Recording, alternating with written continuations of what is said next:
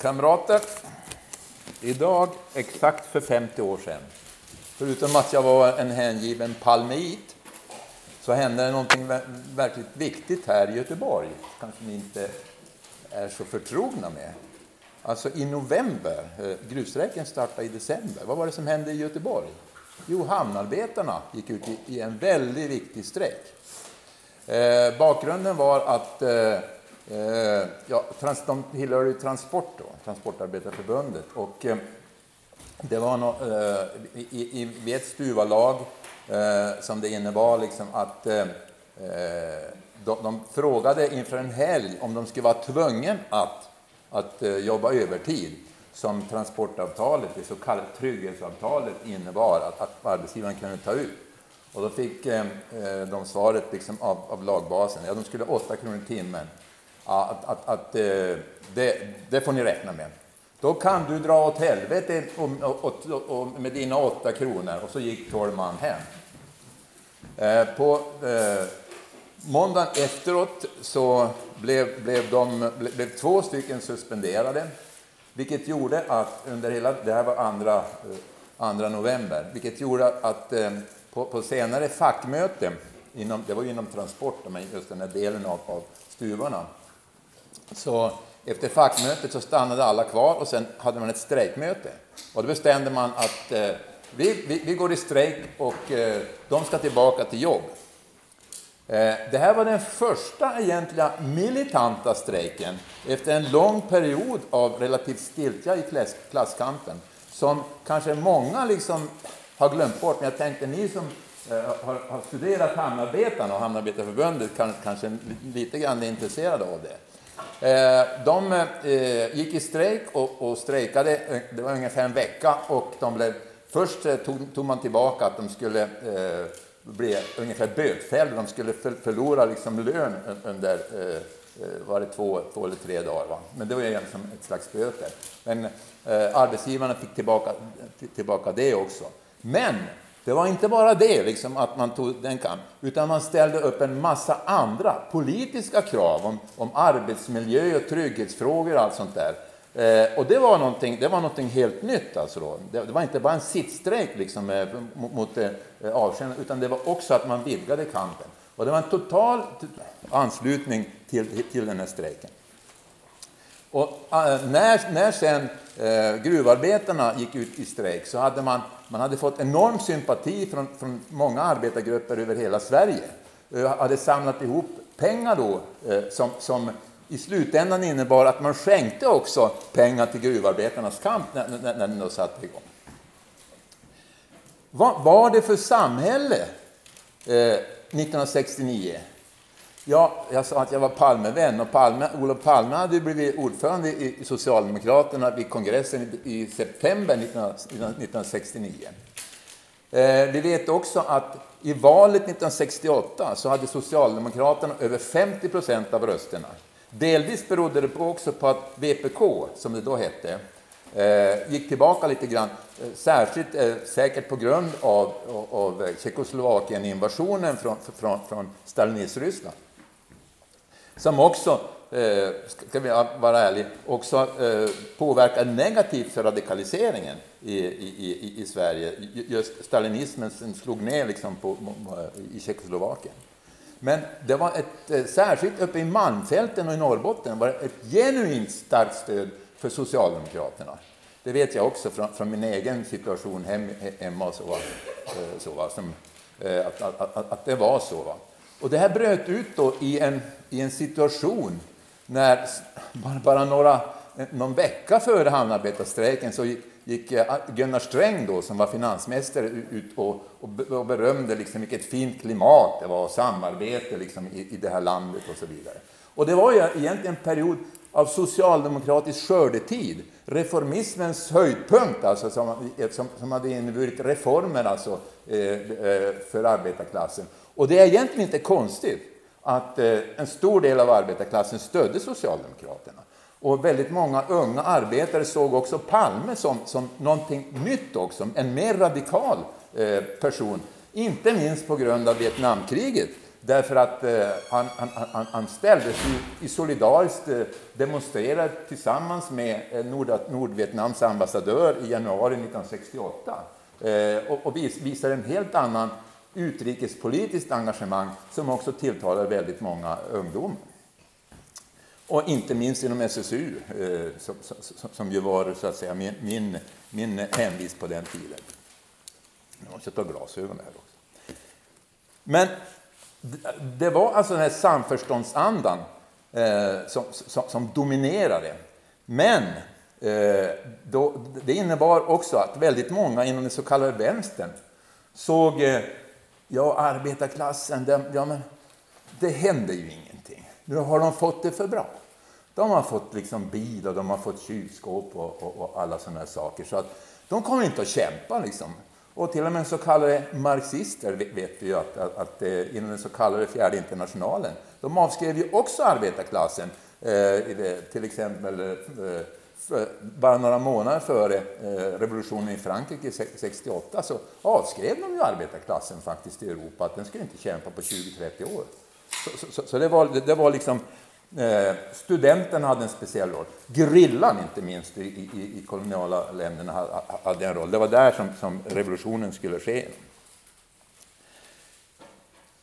Men en, en, en liten ironi i det här alltså, det var ju eh, att, att eh, av en händelse så eh, eh skickade Sara Lidman ut som en representant för FNL-grupperna i Sverige att man skulle, man skulle ut och, och ha, ha, kontakter bland arbetargrupper ute i landet. Och hon blev tilldelad Norrbotten och Malmfälten i Svappavaara eh, och, eh, och, och, i Kiruna. Så, så hon, var, hon var pratade för, för FNL egentligen, för, att få liksom arbetarna att, att, att, solidarisera sig med kampen i Vietnam. Och eh, boken som, som sen kom ut det var ett resultat av att en, en fotograf hade tagit bilder av gruvarbetare och eh, ville att hon skulle då eh, illustrera den med text. Så hon for tillbaka i december 67 till Svappavaara och eh, Kiruna och intervjuade arbetare. Och om man, eh, jag rekommenderar att ni läser den boken som heter Gruva, där, därför att det finns det, det finns många, många tecken som visar att, att, eh, att, eh, eh, det var inte så, så där riktigt så ställt som, man, som många vill göra, att, att arbetarklassen var liksom köpt. Alltså. Eh, det var en till exempel som sa det är inte plast, plastbåt, frysbox och barskåp som fattas mig. Det är det att jag och vi, alla mina eh, eh, kompisar. Varenda jobbare i hela Sverige är utestängd från samhället. Vi är okunniga, maktlösa. Eh, och en annan. Om företaget ändå kunde fatta att arbetare är människor, att inte lita på en arbetare, det är det värsta. Eh, och det var en som började undra om fackföreningen är, en riktigt eh, på arbetarnas sida. Styrelsen väljer man, men det är eh, ombudsmannen som är högsta hönset och förbundet. Så vi tror, eh, och vi har, vi har ingenting att säga till om. En annan sak, fackföreningen har ingen makt. Man kan aldrig gå genom fackföreningen om man har, har något klagomål. Vi har inte den där slagkraften som vi behöver. Det är, det är för tungrot eh, allting inom det fackliga. Det tar så lång tid eh, eh, om, vi ska gå igenom en fråga till, till förbundet. Vi är på sätt och vis lämnade vind för våg. Det är förbundet som bestämmer och när det gäller smärre lokala förhandlingar så gör bolaget som de vill. Och det här, det här genomsyrar liksom eh, eh, hela, hela eh, eh situationen. Och jag, och jag, är absolut övertygad om andra författare hade intresserat och, gått intervjuat arbetargrupp efter arbetargrupp, inte bara gruvarbetare, så hade man hittat samma sak att eh, eh, det, var, det var inte alls så där, så där eh, eh fantastiskt bra det, som, som, man ville göra gällande. Det var inte så att, att, att klasserna hade försonats och att vi hade satt alla i samma båt som, som, man, som man påstod. LKAB det var ju ursprungligen då så var det så att säga eh, dubbelägt av Grängesbergsbolaget och eh, staten. Men 1957 blev det helt, helt statligt och ingick i Statsföretag. Men redan från början så, så betonade man då från regering och propositionen att eh, LKAB skulle drivas enligt strikt affärsmässiga principer. Och man genomförde då också, när staten helt tog över 1957, ett väldigt hårt rationaliseringsprogram och det var naturligtvis vinstmaximering som vilket annat eh, kapitalistiskt företag som, som helst. Eh, man, hade, man hade då eh, 57-58 8200 anställda. Man krympte ner det på 10 år med, med 1400 eh, anställda. Samtidigt som man, som man dramatiskt ökade produktionen från 12,5 miljoner ton Eh, malm till 25,5 miljoner ton. Alltså en fördubbling av produktionen samtidigt som man pressade ner liksom, eh, eh antalet anställda. Man hade väldigt höga vinster egentligen. 1969 så, så, så, hade man en, en, en bruttovinst som var, som var 40 procent av omsättningen. Man hade höga utdelningar. Och när man, när man jämför då, Volvo 1968 pratar om rekord i, i, i, i eh, eh Eh, utdelning. 8 procent eh, av, av, av eh, vinsten. Så, så, så, hade LKAB istället 12 procent. Och, och, det var inte ovanligt att man hade ännu mer under tidigare år. LKAB var också världens största järnmalmsexportföretag och bland de största överhuvudtaget in, in, inom gruvnäringen. Man, man var väldigt viktig för, för, för, den svenska exporten också. Synen, synen från, från ledningen Eh, på, på, de anställda det var också att det var en produktionsfaktor som vilken, vilken annan sak som helst. Va? Man, man, när, man, eh, när man genomförde stämpel, stämpelklockor redan 59, 59, 58, 59 så användes de medvetet för att hunsa arbetarna. Eh, varningar, avskedanden, man övervakade, det var nästan en polisövervakning. Och hela den här liksom, eh, eh behandlingen eh, som om de inte var människor, det, det, det lagrade upp sig inom arbetarklassen bland gruvarbetarna. Så, så, så, det fanns alltså då den här in, eh, underliggande strömmen. Alltså. Vi pratar om, om, om eh, att, att, att, den, den dialektiska metoden, att eh, även om det ser väldigt lugnt och fint ut på ytan, så vet vi att det finns en underliggande process som förr eller senare bryter fram.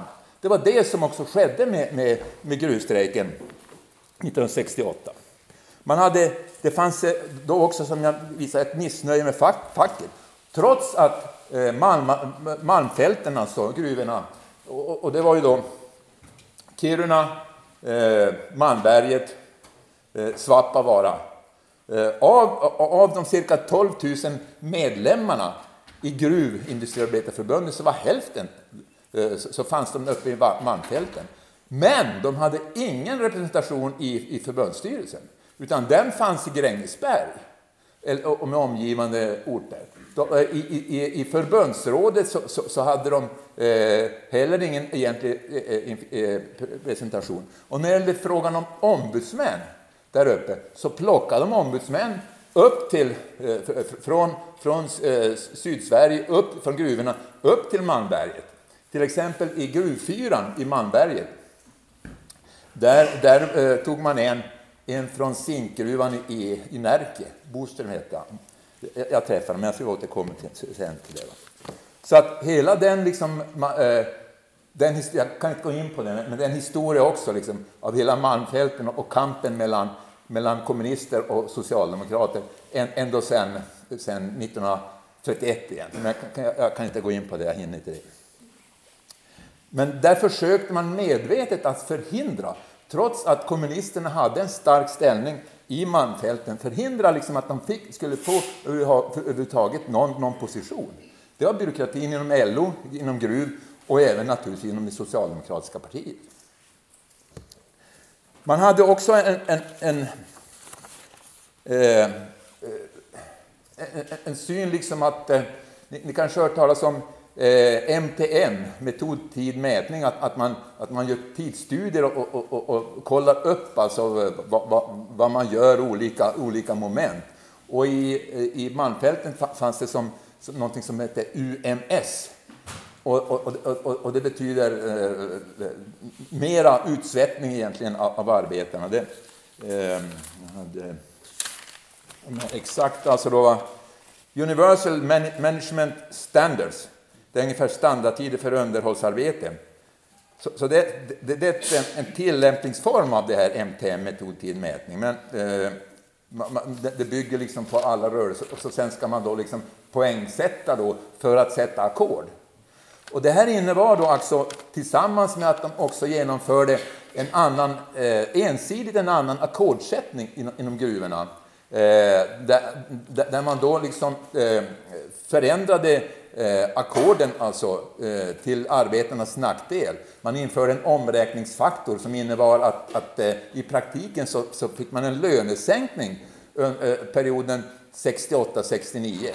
Och det var det också som, som, eh, var den utlösande grejen när, när Svappavaaraarbetarna fick lönekuvertet eh, 5 december 1969. Trots att de hade blivit lovade att eh, de, de, skulle, de skulle inte gå eh, förlora på det, så visade det att de hade faktiskt gjort det. Va? Och i praktiken så var det många, många grupper då, liksom i övrigt inom, inom LKAB som förlorade upp till en à två kronor i timmen på grund av de, nya eh, omräkningsfaktorn. Va?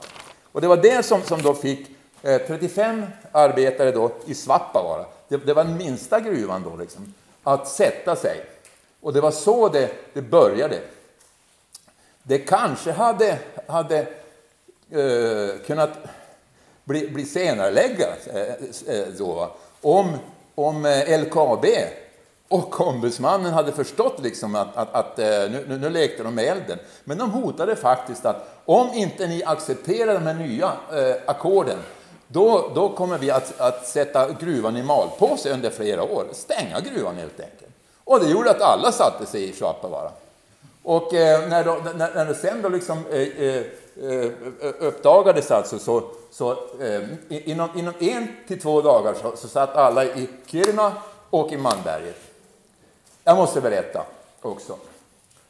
Eh, av en händelse så var jag på gruv, gruv, gruvfyrans expedition i Malmberget när, när strejken bröt ut i, i Svappavaara den 9 eh, eh, december.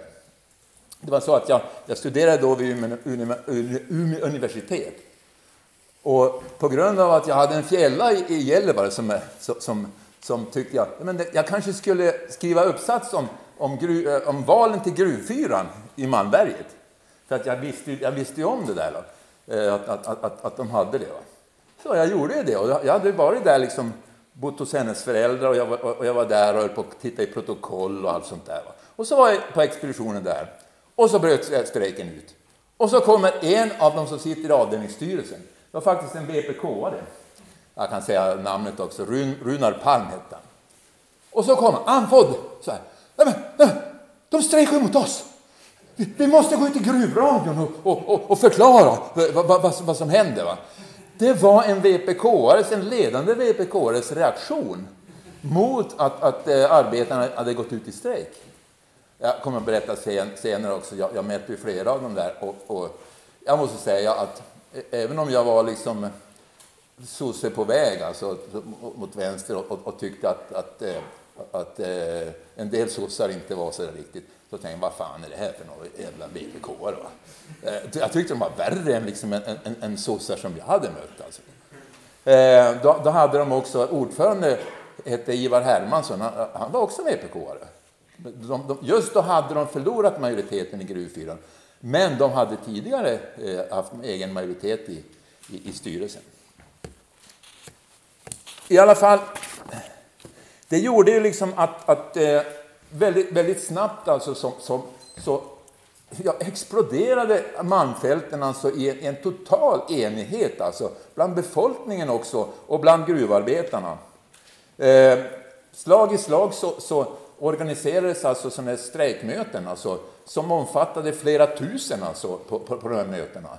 Eh, vi hade demonstrationer alltså, Eh, eh, i, i, i Kiruna till exempel, vid, vid Lucia. Ja, de hade då i, i, i Malmberget också. Det var väldigt fina Lucia-tåg med, med facklor och sånt. Va? I 5000 alltså i, i, i Kiruna och 2-3 000 i Malmberget. Och eh, eh, hela samhället alltså, eh, alla skikt, till och med på, på ett strejkmöte i, i Malmberget, kyrkoherden i, i eh, Gällivare välsignade strejken offentligt på ett strejkmöte. Eh, man gick med kollektbussar på, eh, i, i, på, på, på högmässan och samlade in pengar till gruvarbetarna. Och det är helt, ingen tvekan om att det var ett enormt stöd alltså. Och, och, och, och det var så också att ledningen för fackföreningsrörelsen, LO, de, de, de vågade ju inte gå emot eh, då direkt, utan de, det var berättigade krav och, och så här. Liksom. Och, och, eh, Arne Geijer som var ordförande då i LO, han skyllde på att ja, det var tjänstemännen som hade fått, blivit breda och, och fått för mycket makt och sådär. Och, och det fungerade inte riktigt, där sam, samverkan och demokratin och sånt där. Va? Och till och med så eh, att, att Gruv också fick en äh, släng att han kritiserade Gruv för att de var, alltså ledningen för Gruv som var Grängesberg, att de var för svaga, att de hade inte ordentligt tagit tur med, med de här problemen som var där uppe då med LKAB. Va? Och, eh, eh, inte, ens, inte ens eh, Dagens Nyheter ifrågasatte. Liksom. Det var berättigade krav från gruvarbetarna. Aftonbladet det var också berättigade krav. Men naturligtvis så höll de ju inte med egentligen. För vad som hände då, de hade, eh, gruvarbetarna på de här mötena hade, hade valt en strejkkommitté Ja, alltså först var det, först var det då i, i Kiruna som man valde en strejkkommitté på nio personer. Sen, sen valde i Svappavaara eh, en på, på tre personer. Och så sen kom, kom eh, eh Malmberget på nio personer också. Så, som blev en strejkkommitté, central strejkkommitté på 21 personer. Och det var de då som, som gick utanför de, de strukturer för, för, för fackföreningarna hela tiden så, så, så försökte man jobba, det, det, förhandlingen liksom av de här kraven, det, det, måste ju skötas den normala vägen, alltså med, med, med facket. Sånt där. Och det var hela tiden, man vågade inte egentligen ifrågasätta liksom kraven eh, från början. Men däremot att, att vi, vi, måste få in, få, få in det liksom så att fack, det är facket som måste förhandla om det. Eh, eh, och undan för undan så, så, så, så kom man alltså med, med förslag alltså då, va, på eh, att eh, ska vi inte liksom utvidga det liksom, så, så, att facket kommer med också. Va? Och, eh, jag ska inte gå in, gå in riktigt på, på eh, en, alltså, vad jag tyckte att, att det fattades liksom från strejkkommittén och, och, de, och de strejkandes sida. Men, men undan för undan så påtryckningarna säkert under, eh, ja, bakom eh, stängda dörrar så, så fanns det enorm eh, påverkan, påtryckningar mot den här strejkledningen. Och, och, och till slut så, så, var till och med strejkledningen då, eh, den tjänstemannakommittén, accepterade att man tog in eh, fackrepresentanter eh, från facket i vad som då skulle kallas en delegation som, som skulle förhandla. Så att man, man eh, förutom den 21 då i strejkkommittén som stod utanför facket så tog man in två stycken från avdelning 12 som det hette i, i Kiruna och två stycken från avdelning eh, 4 eh, i Malmberget. Plus ombudsmännen. Eh, man hade ombudsmän i, i avdelning 12 och, och, och, och avdelning eh, 4. Avdelning 12, eh, den, den, den eh, ombudsmannen var så hatad så de var tvungna att acceptera då att, att eh, en annan gick in i hans ställe. Det var en från förbundet då. Stendalen hette han. Han, han, han, han eh, jag höll på att säga han, han var stendöv för, för, eh, för, för, påverkan. Men egentligen så undrar man ju så här efteråt, var det inte ett, ett försök liksom att de avpoliterade den lokala ombudsmannen för att förbundet skulle komma in. Han blev senare förresten ordförande för Gruv, Anders Stendalen. Så, så det, eh, det, det, var han plus då ombudsmannen i, i eh, Malmberget som hette Boström. Han träffade jag ju flera gånger under den här tiden som jag var och, och studerade. Och jag måste säga, han, han gav inte något intryck överhuvudtaget att eh, förstå någonting. Eh, eh, och, men, men han, var, han var ditsatt alltså. av, av försöka, för, för, en pålitlig liksom, eh, som, som, skulle, som skulle representera då liksom, eh, ja, sossebyråkratin om man säger så. Va? Det är helt klart liksom att, att han var bara tidsatt. Va? Därför den, den som sökte den andra tjänsten, det, det, var Ivar Hermansson som var ordförande i, i, i eh, avdelning 4. Va?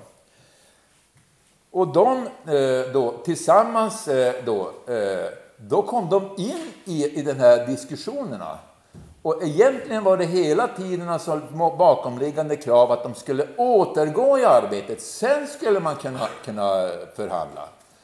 Och det gav, det gav ju för fan råg i ryggen till, till LKAB som sa nej vi förhandlar inte om, om inte facket godkänner alltså förhandlingsdelegationen. Så hela tiden var försök och undan för undan så maldes strejken ner egentligen av den, eh, den här jag på att säga, infiltrationen. Alltså. Eh, man, man, kom hela tiden med, med, med, krav och sen började också eh, allt mer alltså krav mot, mot strejkkommittén, alltså de här 21, oerfarna och okunniga, de fattade inte någonting. Va? Och dessutom, jaha, det är nog, det är nog eh, krafter här som spelar utanför. Ja, det vet man, kommunisterna liksom och sånt där. Och, och eh, ja, det vet man ju liksom att de är vad de är ute efter.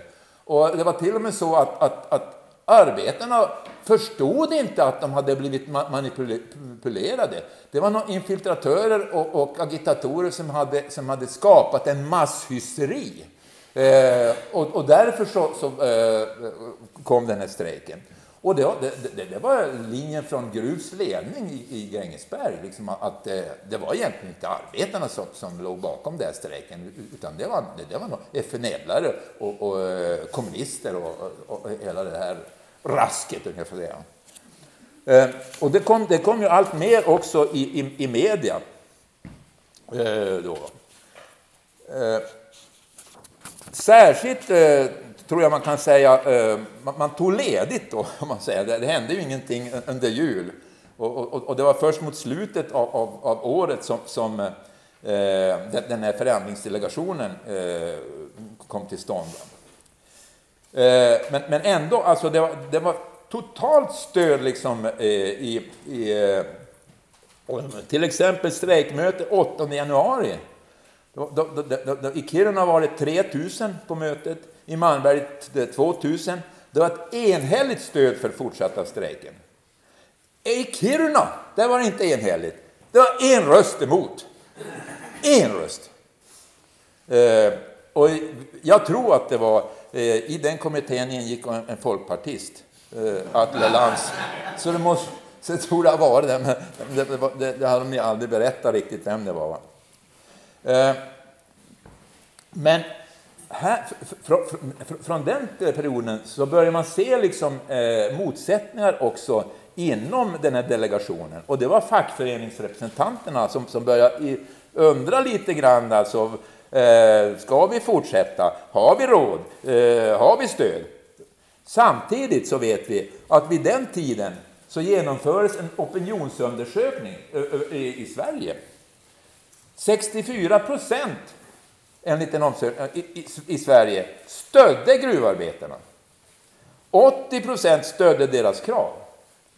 Eh, och det är utan tvekan så att, att samhällena i det området stödde nästan hundraprocentigt. Naturligtvis, naturligtvis var det inte hundra procent, men, men det, det, man kallar nästan, nästan alla. Va? Och det var, det var till och med så också just vid det tillfället att två stycken i avdelningsstyrelsen, eh, hör nu hör nu lustigheter, alltså två stycken i avdelningsstyrelsen i, i Gruvfyran, ordförande Ivar Hermansson och nämnde eh, Runar Palm, de gick ut offentligt och sa att nu ansluter vi oss till strejkrörelsen. Två, två i facket. Och sen anslöt sig också eh, fyra stycken i Kiruna. Men inom två, tre dagar så hade de ändrat sig. Och det kan man ju undra vad, vad, vad som hände då. Va? Eh, därför där, därför sen, sen blev det allt mera klart liksom, att, eh, att motsättningarna hade skärpts inom den här delegationen. Och det var framför allt då alltså, eh, från eh, fackföreningsrepresentanterna. Naturligtvis så, så eh, tvivlar inte jag på att eh, eh såväl alltså ledningen för VPK i Stockholm, Hermansson satt i partistyrelsen, att han hade verkligen fått, fått problem när han anslöt sig till, till, till de strejkande. Därför han satt i avdelningen. Liksom. Och, eh, men herregud, nu åker ju, nu åker ju facket på dyra böter här. Därför att det, det är ju strejk liksom när man inte får strejka. Eh, det, eh, alltså när det gäller sossarna så är det helt klart liksom att de hade ju den linjen från, från början. Alltså att, att det, facket får inte göra någonting annat. Så de åt, gick, ju, eh, gick ju snällt tillbaka och ställde sig på samma sida som, som byråkratin inom LO och, och GUR, helt klart. Det var, det var vpk alltså, som, som, som, som gjorde det. Eh, uh, no. Och uh, det, det, det, är helt klart liksom att, att uh, man, man, man försökte hela tiden att få in alltså fackbyråkratin. Så att från början alltså, eh, hade till och med då, eh, de här VPK-arna eh, när, när, när, när de ville då liksom, en del av, av den delegationen ville att även LOs andra ordförande Kurt Nogren skulle gå in i delegationen. Då, då, var de emot. Men nu plötsligt var de för att Kurt Nogren skulle gå in i, i, i, i den, här, i den här eh, delegationen. Och, och eh, han, han, han eh, då eh, accepterades helt. Va? Eh, och, eh, men, men, men, det, fanns, det fanns en splittring då eh, även, även inom, inom den gamla ursprungliga strejkkommittén. Så, så, man, hade en, man hade en omröstning då eh, om eh, man skulle ha Kurt Nogren som förhandlingsledare eller eh, Rantatalo som han hette. Eh, han var också VPK-are som han hade sagt förut att han skulle vara, han skulle vara eh, ledning för, för, för förhandlingsdelegationen. Ganska lustig sak egentligen, eller intressant. Det var ju att eh, eh på ett, på ett eh, eh socialdemokratiskt eh, fackklubbsmöte i Kiruna så eh, kritiserade alltså eh, sossarna där den ordförande för fackklubben för att han hade eh, ifrågasatt strejken. De var till och med så att de stödde att eh, eh, Ture Rantatalo skulle vara förhandlingsledare. Med motiveringen, ja han är ju kommunist, men han är nog kanske mera fristående och kanske kan göra bättre ifrån än, än, än, än vad de andra liksom, eh, eh gör. Va? Till och med så, alltså det, det, det fanns även inom socialdemokratin en splittring alltså, eh, och en enorm kritik alltså mot ledningen. Till och med mot Gunnar Sträng, alltså, eh, eh hemska tanke var, fanns, var det sådana som socialdemokrater som gick aktivt eh, på, på strejkmöten och ifrågasatte och skämde, skämdes för, för Sträng och sådana saker som de uttryckte. Men i alla fall, de hade en omröstning där i, i, i strejkkommittén. Eh, det var tolv röster som, som gick emot att eh, eh Norgren skulle vara förhandlingsdelegat. Eh, tolv röster för och nio emot. Men strejkkommittén, ursprungligen, den, den, den, det var första gången den var ordentligt egentligen splittrad liksom, i, i det fallet. Och det var, det var framförallt de fackliga representanterna som, som, som, och en del sossar i den där som, som, eh, som representerar minoriteter. Sen tog man ut, upp det på, på slutna strejkmöten, den frågan eh, om, om fortsatta. Och eh Eh, Eh, vad heter det, det, det var för fortsatt strejk och emot att no, eh, eh, han skulle vara förhandlingsman i Norden. 150, 1530 eh, mot 999 då, som, som, som, som röstade på, på, att det skulle fortsätta. Då. Men det fanns alltså då nu också en, eh, även i Malmberget som tidigare hade stått väldigt stark, alltså då, va? Eh, så fanns det nu också de som öppet eh, eh, stödde då LOs representant Nordgren. Alltså. Men det är helt klart att man kan säga att, att de här påtryckningarna hade börjat ge resultat. Och, och, och det ledde ju då också, eh, även, om, även om det var eh, de, de förlorade, det var en minoritet för det, så inbjöds Kurt Nordgren att bli observatör och tekniskt biträde i 27-mannadelegationen. Eh, de krav som, som eh, de, de, de hade då, eh, gruvarbetarna, de kallade det för att de hade hemliga krav. Därför att de skulle inte avslöja dem för LKAB i början, men de hade ju inte fått förhandla någonting. Men, men egentligen så var det då eh, lönekrav, det var som motsvarar ungefär eh, 24 procents lönehöjning. Men det, det, är svårt exakt därför att eh, det här nya lönesystemet med ackord som, som fanns, eh, det var så olika liksom, eh, hur det slog. Va? Så, så, så att, eh, men men det, en, en, som har skrivit om det, Edmund Dahlström, han, han beräknar till att det är ungefär 24 procents löneökning. Va? Eh, 15 kronor i timmen över jord och 17 kronor i timmen under jord som det blev då sen. Va? Bort med UMS, det här liksom, eh, systemet, va? och omräkningsfaktorn då som man skulle... Det var miljö och skyddsfrågor eh, och det var liksom eh, rekreationsbidrag på sam, som tjänstemännen hade. Då. Det var med helgdagsersättning och övertidsersättning och pensionsåldern sänkt till 60 år och LKABs huvudkontor ska flyttas till Stockholm, från Stockholm till Malmfälten. Och sen, sen LKAB skulle gå ur eh, arbetsgivarföreningen. Och så fanns det något som 31 eh, teser, som, som, jag inte har nämnt. Alltså då. 31 teser, det var, jag skulle ha nämnt det, att eh, det, det, var en slags eh, krav på lojalitet från alla chefer. Om överordnad chef hade, hade krav på, på, på en lägre chef, och, och, och, den hade en annan uppfattning. Då var det bara att glömma det. Man skulle lyda överordnad alltid. Det, det stod alltså i teserna, alla sådana här saker. Eh, man var i första hand lojal med företaget.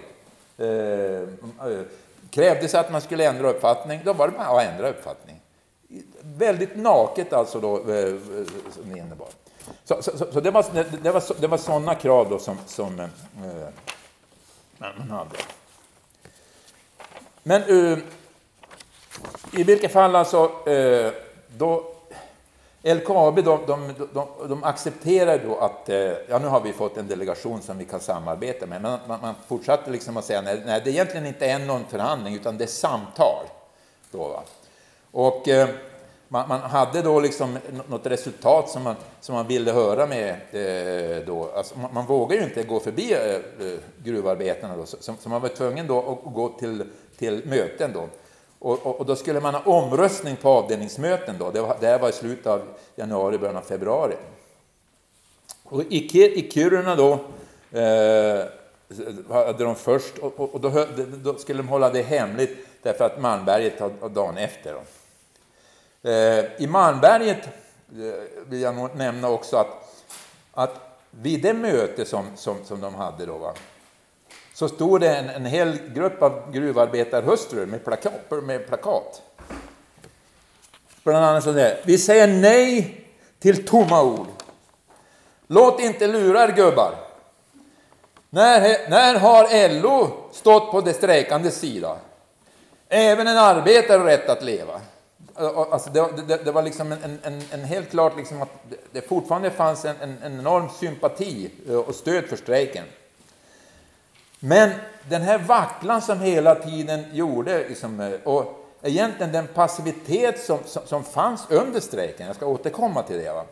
Det, gjorde, det gjorde att en majoritet för fortsatt strejk som, som kom, den, den var eh, väldigt begränsad.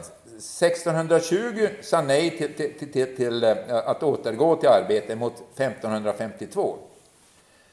Och det, och, och det, var alltså bara drygt 60, 60, 68 någonting som, som eh, övervikt för att man skulle fortsätta strejka.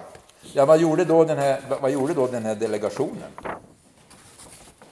Eh, de som, som representerar avdelningarna, ordföranden i respektive avdelning, Hermansson, VPK-are i, i Malmberget, Poromaa, eh, ordförande i Gruvtalman i Kiruna, de sammankallade den här delegationen då. Va? Och eh, eh, ville då att, att man skulle fatta en rekommendation om att återgå, därför att eh, det var så liten eh, majoritet. Men väldigt intressant är, är alltså vem det var som, ställde, som la krav på, eh, som la förslaget. Det fanns en, en vild strejkare, han var vild på många sätt, som hette Harry Isaksson. Han förresten kallas för Castro, han jättestort skägg alltså. Han var vild på många sätt, men, men han, han eh, eh, tyvärr så råkade han säga Emil Isaksson som var ordförande för i Malmbergets VPK att han, att han var Malmbergets Lenin. Det var han definitivt inte. Därför vad gjorde han? Jo, han för, det var han som föreslog att eh, man skulle fatta en rekommendation om att återgå till arbete. Det stöd som han fick, huvudsakligen stöd som han fick, det var Ivar Hermansson, VPK, som var ordförande i, i, i facket i, i, i, i Malmberget. Det var Runar Palm, som satt i avdelningsstyrelsen, som jag berättade, som satt i avdelningsstyrelsen i Malmberget.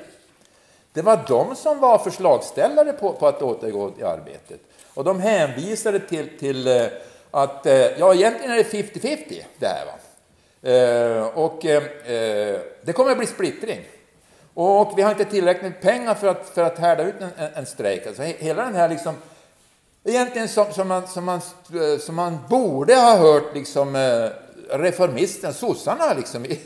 Men det var, de lutade sig mot VPK-arna.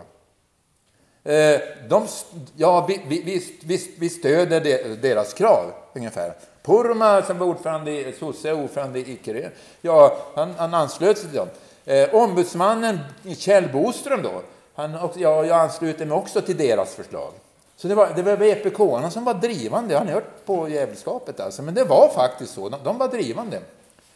Och eh, sen då när Emil Isaksson, den här icke-Lenin från, från, från Malmberget, när, när han börjar förstå då liksom att, eh, att det här, ja men vad innebär det då? Liksom? Vi, vi, har ju sagt liksom att vi ska ju gå på, vi ska ju gå på vad arbetarna säger hela tiden, har vi sagt. Då. Om vi nu re, rekommenderar återgång till arbetet då, och, och, vi beslutar det, ja men då kan ju, då kan ju inte vi fortsätta att förhandla. Då har vi, då har vi liksom, eh, då är vi borta helt enkelt. Så han drog tillbaka förslaget då. Så, så, så det blev en jätteförvirring inom kommittén. Så den som då, den som då liksom eh, istället tog över förslaget, det var den här Kjell Boström eh, eh från ombudsmannen. Och det slutade i 1212. Det finns i, i eh, arkiv Eh, gå in på det liksom på, på nätet alltså, så finns den här 12-12-omröstningen, alltså, så, eh, i band, bandutskriften från den, där ni kan se liksom hur, hur, hur det är. Eh, de som argumenterade emot framförallt, det var ju den här Harry Isaksson, Elof Lusberg, jag ska komma tillbaka till, till därför, det, särskilt Elof Lusberg var en av de drivande liksom i, i strejken. Då. Men det slutade 12-12 och Ture Rantatalo som var ordförande i den här delegationen, han hade inte tänkt rösta. Han, egentligen ville han liksom att man skulle vänta med det och liksom eh, bordlägga, men han ville inte rösta. Och sen när det slutade 12 då är det så liksom att, att ordförande har ju liksom eh, utslagsrösten. Och, så han våndas ju eh, någonting enormt alltså, men till slut så sa han ja, men då, då, då stödjer jag liksom, eh, då att vi återgår. Va? Så det blev en rekommendation om återgång till strejk. Och det visade sig att eh, det möttes ju väldigt, det, det blev ju fiasko.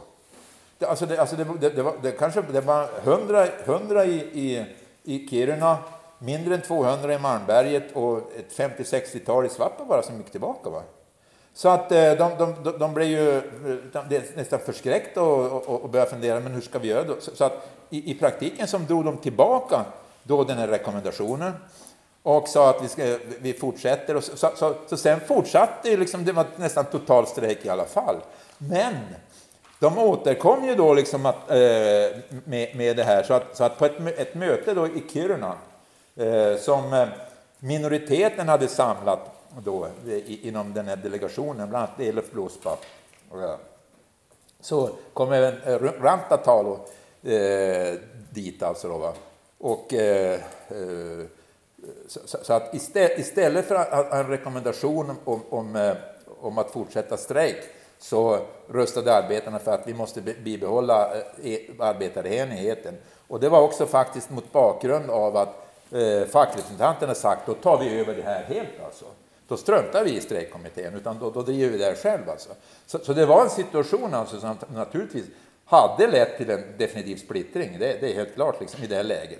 Men det var en hel, en, en hel period av, av eh, påverkan och påtryckningar som hade lett alltså till den här osäkerheten även inom strejkkommittén.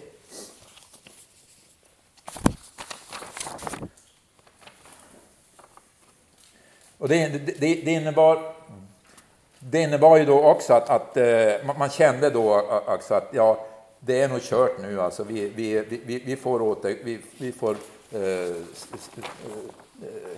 enhälligt beslut om, att, om en återgång och att återgå liksom till, till, i strejk. Så att eh, den, den 4 februari så, så åter, uh, återgick man till, i, till arbete. Va? Men sen var ju inte eh, förhandlingarna klara då naturligtvis, utan de började ju, de började ju sen också. Och man fick ju igenom en, en löneökning alltså med, som motsvarar ungefär 14 procent. Man fick månadslön på prov, och, men eh, väldigt många av de här kraven eh, som annars var, liksom det, det, det fick man ju inte igenom. Alltså att det var ju, det var ju liksom att, att man fick ju mer alltså i plånboken än eh, innan. Va? Men egentligen så var det ju, så var det ju ett nederlag också på, på, på, på, andra sätt. Men vad var det som hade hänt samtidigt eh, i, eh, bland arbetargrupper? Egentligen var det, var det någonting, någonting helt, helt nytt också som, som eh, eh gruvarbetarstrejken triggade igång. Vi hade, vi hade en strejkvåg i Sverige alltså under januari och, och februari. Jag ska bara nämna no, några. Eh, 15-16 eh, eh, januari, Volvo Torslandaverken i Göteborg. 19 januari Saab-Scania Trollhättan, Trelleborgs gummifabrik. Saab-Scania, eh, Scania Vabis i, i Södertälje. 20 januari Saab-Scania Trollhättan, Electrolux Mariestad, ASEA Västerås, Scania Plåtverkstad i Luleå. 21 januari Saab-Scania Trollhättan igen, Saab Göteborg, Televerkstaden i Vänersborg, Skånska Cement Kalmar. 22 januari Volvo Skövdeverken, Strängbetong AB i Kungsör, Goodyear i Norrköping. Och sen inledde också skogsarbetarna en, en ganska lång strejk, alltså tre veckors strejk alltså då i januari. Eh, 23 januari Volvo Köpingverken, Kalmar chokladfabrik, LM Ericsson i Stockholm, Hudiksvall och så vidare.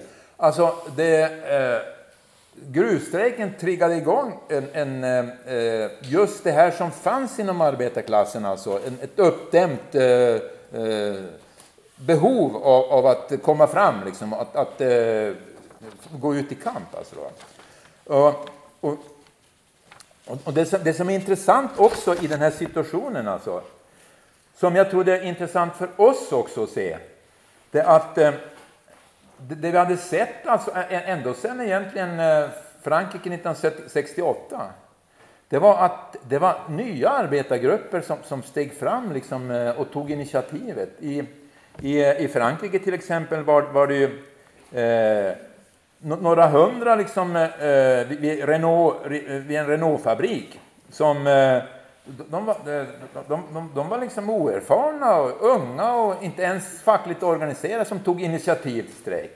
Nu hade Italien eh, våren 69. Eh, vid Fiat då, det, det var främst, främst uh, unga nyrekryterade arbetare från syd, Syditalien som drog igång en strejk där. Och i Malmfälten var det ju faktiskt de här oerfarna i Svappavaara. Eh, för det var en relativt ny gruva då, som, som, eh, och lite yngre, yngre, yngre människor.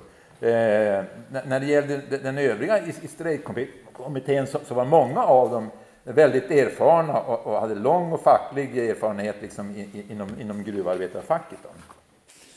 Jag ska, inte, jag ska inte nämna särskilt mycket då, liksom, att, att, att hetsen som fanns eh, då, mot, mot, mot gruvarbetarna. Eh, det, det, det, inte minst alltså då var eh, borgerlig, borgerlig press, Svenska Dagbladet och så vidare, de, de hade ju hela tiden alltså att det var en kommunistisk ledd eh, eh, strejk som, som, som, där de lurade arbetarna till det. Eh, men vi, vi, hade också en, ett väldigt internationellt stöd I, i, i Norge så, så, var, så var strejken väldigt aktuell där man, man diskuterade liksom på, på olika arbetsplatser. Och det, var, det var även så att eh, eh malmlastarna i Narvik, det, det, var ju den enda isfria hamnen som man skeppade, skeppade malmen till. Eh, de, de erbjöd sig att gå i sympatistrejk redan tidigt under december. Men eh, strejkkommittén, de avböjde det liksom, eh, då, att, att, att, att, få det, va? de, de, de här sympatierna. Men det var, det var stöd alltså från eh, en massa länder i Europa. Eh, på, på, i, på, I Danmark, på varvet Burmester om Wein, det, där, där tog man också en strejk, alltså en lönestrejk, som även utvecklades till en nationell 24-timmars strejk. Eh, vi hade, vi, vi, hade liksom sympatiuttalanden och, och, och, stöd från Finland, England, Belgien, Västtyskland och så vidare. Va? Eh, gruvarbetarna eh, eh i England inte minst. Va? Jag får nämna lite grann om, om, om eh, eh man samlade in pengar då också. Och eh, det samlades in totalt 6 miljoner kronor och av det betalades 5,5 miljoner ut.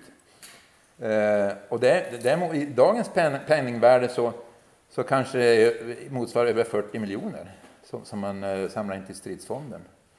Eh, men ändå användes det som ett argument i den här 12-12-omröstningen att man hade inte tillräckligt med pengar. Det var någon till och med som sa att vi, vi hade bara en och en halv miljon eh, pengar eh, då. Va? Trots att eh, det kan inte stämma för att, för att senare visade sig liksom räkenskapen att, att det var alltså totalt 6 miljoner. Alltså. Och Rantatalo när han, när han motiverade också att han, att han gav sin utslagsröst, han sa också vi har, inte mycket, vi har inte så mycket pengar att vi kan ta en längre och hårdare strejk. Jag, jag måste nämna också Elof Luspa. Ni kan, eh, det, det, är flera som har sett den här Kamrater eh, mot, mot, motståndaren välorganiserad. Jag har inte själv sett den, men jag vet att, eh, att, att, det, vis, att det visade också eh, från, från eh, strejkmötena, alltså inlägg alltså. Elof Luspa, han eh, var en, en, eh, en, gammal socialdemokrat. Han lämnade sossarna liksom på jordbrukspolitiken av alla. Men, men sen kom han tillbaka fackligt, så han, han var också eh, ordförande i, i, Han var partilös förresten. Eh, men, men han, läm, han, han var också ordförande i Gruvtolvan 65 till 68, när han avsade sig då. Va? Och han ingick ju då i strejkkommittén. Va? Och han har, han har då uttalat sig en, en, en del eh, saker om, om, om, eh, om eh, eh, tio år efteråt. Eh, I, det, det, det, det, finns i den här boken som Ragnar Järholt har skrivit, jag kommer inte ihåg. Den finns också i marxistisk, eh, marxistiskt arkiv. Eh, som tar om, om eh, många olika strejker, bland annat bland annat gruvstrejken, och så är det intervjuer med, med olika personer. Eh, eh, han, han menar till exempel på att eh, den här 21-mannakommittén var väldigt bra ända tills vi tog med de sex fackföreningsrepresentanterna.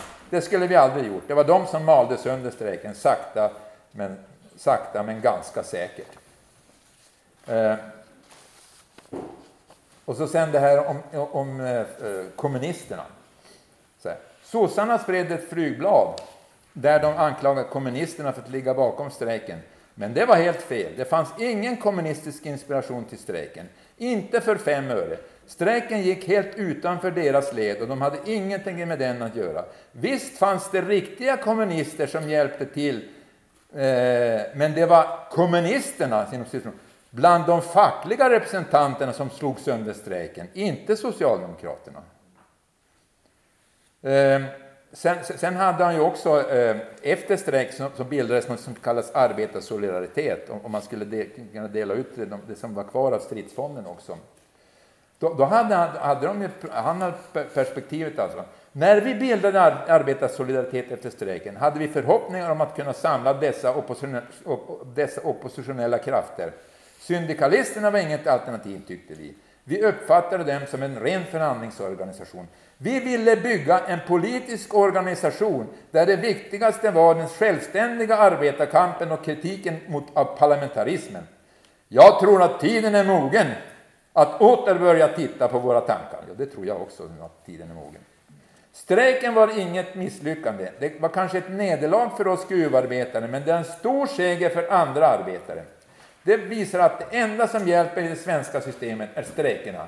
De samarbetsstrejker som LO sysslar med, det är ju inga strejker egentligen. De är bara ett stort invecklat, invecklat lurendrejeri. 1969 var ett avgörande år för den socialdemokratiska parlamentarismen. De skulle upplysa hela Europas arbetarklass om att i Sverige har vi ett absolut vattentätt system där problemen löses i samförstånd utan strejker. Gruvarbetarna gick i strejk och blåste bort det svenska undret. Nu finns det bara de multinationella företagen som härjar i låg, och det är inget under. Det här, det här var liksom en, en, en, en slutsatser som, som, som, jag, eh, som jag helt eh, fått stöd i. Jag måste, jag måste nämna också eh, lite grann eh, konsekvenserna av, av, av, eh, av strejken. Va? Vi hade ju de här strejkböterna. Jag tänkte bara att eh, eh det, eh, alltså i, i, i LAS så, så, begränsar man ju rätten att, eh, att avskeda. Men man gjorde undantag också för illegala, eh, dåliga strejker eh, eh, särskilt kval, som var särskilt kvalificerade, de skulle man kunna, kunna bötfälla. Men de obegränsade strejkböterna, det, det, var egentligen eh, borgerliga partierna som, som eh, drev det liksom 1977 och, och beslutade om det. Liksom. Det var tidigare var 200 kronor alltså. Men eh, hör och häpna, 1985 så tog den socialdemokratiska regeringen bort den där så, så att eh, man, man för, för tillbaka till 200 kronor. Men det dröjde inte länge förrän eh, eh S-regeringen föreslog ett tillfälligt strejkförbud och 5 000 i strejkböter. Det gick inte igenom 1990, men 92 då lyckades ju Bildtregeringen då att, att eh, eh, höja eh, strejkbeloppet så, och att man ansåg 2000 eh, som normalbelopp. Så, så att, eh, det var ett eh, resultat av strejken, negativt alltså. Klavböndning och, och hårdare mot, mot eh, mot arbetarklassen. Men det var ju också, jag nämner LAS också, rätten att avskeda, MBL, senare löntagarfond, det, det radikaliserade ju arbetarklassen som pressade fram andra saker, alltså, som man kan säga var den positiva delen av, av, av eh, det. Så jag nämnde alltså, eh, och, och, och, och, som eh, Elof Lusp också tog, så det, alltså det, det, var ju ett misstag det där liksom att, att Eh, att ta in då eh, avdelningsrepresentanterna. Men det stora, den stora grejen alltså, som om vi hade haft någon, någon, något inflytande, det var ju att inte bara vara en, en passiv strejkkommitté. Vi skulle ju direkt liksom ha tagit upp alltså på varje del i sektion eh, i, i, inom gruvan att, att man skulle utse representanter från, från det arbetsstället. Alltså. Så att, så att eh, de strejkande hölls i aktivitet. Och ge, på, på, det sättet hade man också kunnat öka liksom, förståelsen och, och eh, medvetenheten om, om eh, vad, vad, som hände. Va? Eh, man, gjorde ett, eh, man gjorde misstag också att man avböjde den här frågan om sympatistrejk. Eh, eh på, på, det sättet så, så, så ser jag ju att, att det fanns ju ingen egentlig ledning, det, man, det vi menar med ledning av strejken. Eh, det fanns en, en, del fackliga veteraner som, som också var inne i sina gamla strukturer. Det, det, det var ju inte bara sossar, det var också vpk då, som, som eh, eh, de, de här nya militanterna som, som, som fanns, alltså, som, som yttrade sig på strejkmötena, som hade dragit väldigt revolutionära slutsatser också, de kom ju aldrig fram. På, på. Man tog inte tillvara den här, den här, det som utvecklades i den här situationen. Va? Vid, och vid varje strejkmöte skulle man egentligen ha, ha, ha tagit upp också frågan om, om behöver vi utvidga, behöver vi ha nya kamrater i strejkkommittén?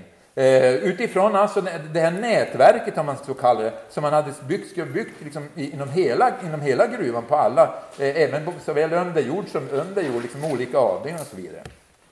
Möjligheten att ersätta, vad, vad, vad, vad hade strejkkommittén gjort under den här tiden och så vidare. Vad, vad var en alltså, eh, motsvarande alltså vad arbetarna behövde. Alltså.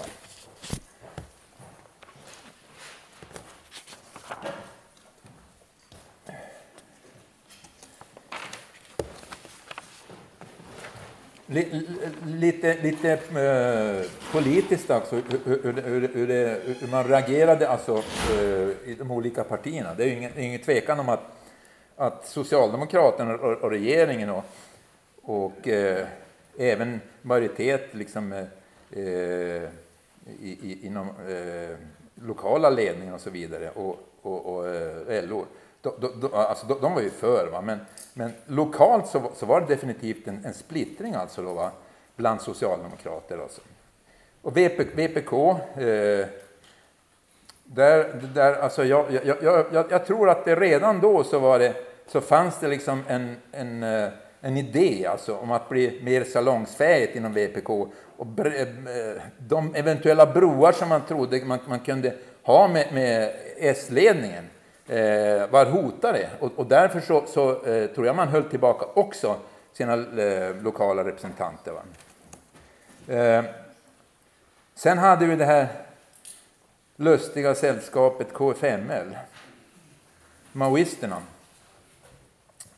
De, eh, de gjorde bort sig direkt alltså när, när de försökte liksom, eh, komma in liksom på strejkmötena och eh, med gnistan och liksom, eh, vi be, det, eh, att vi behöver ett marxist-leninistiskt parti och sådana saker. De gick helt över huvudet på, på liksom, de strejkande. Va?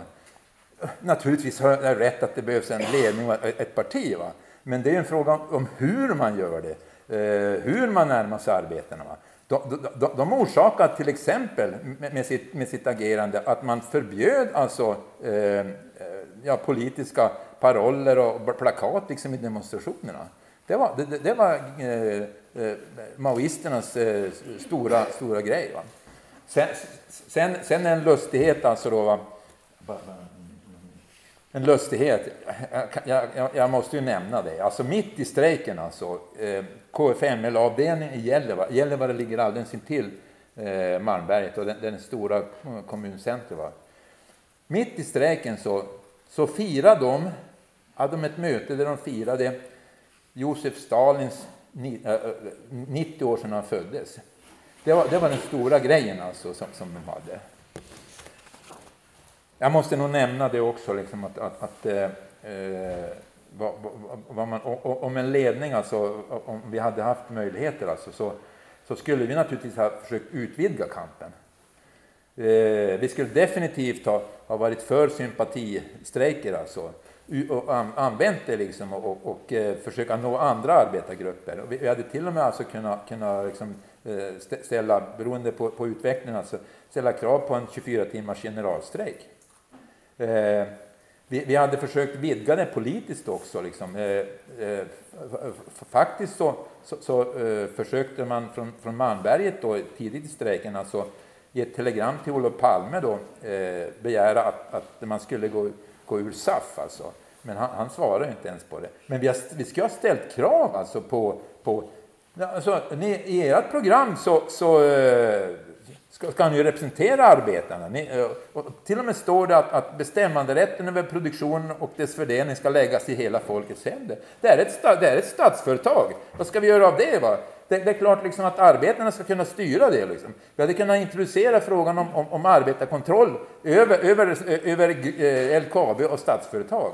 Eh, en verklig socialisering, om man säger så, va, som, som eh, pratas om. Eh, och, det, och det tror jag liksom eh vi, vi, vi, ska, vi ska liksom eh, se som, som, som möjligheter också i framtiden. På ett sätt så liknar ju situationen här den situation som vi hade på 60-talet efter en period av, av, av eh, låg eh, omfattning av klasskampen. Men vi har ett perspektiv också av, av kapitalismens utveckling eh, och där det hela tiden, vi måste se att hela tiden under ytan så, finns, så växer det liksom ett, ett, eh, ett behov av att, av att ta upp kampen. Va?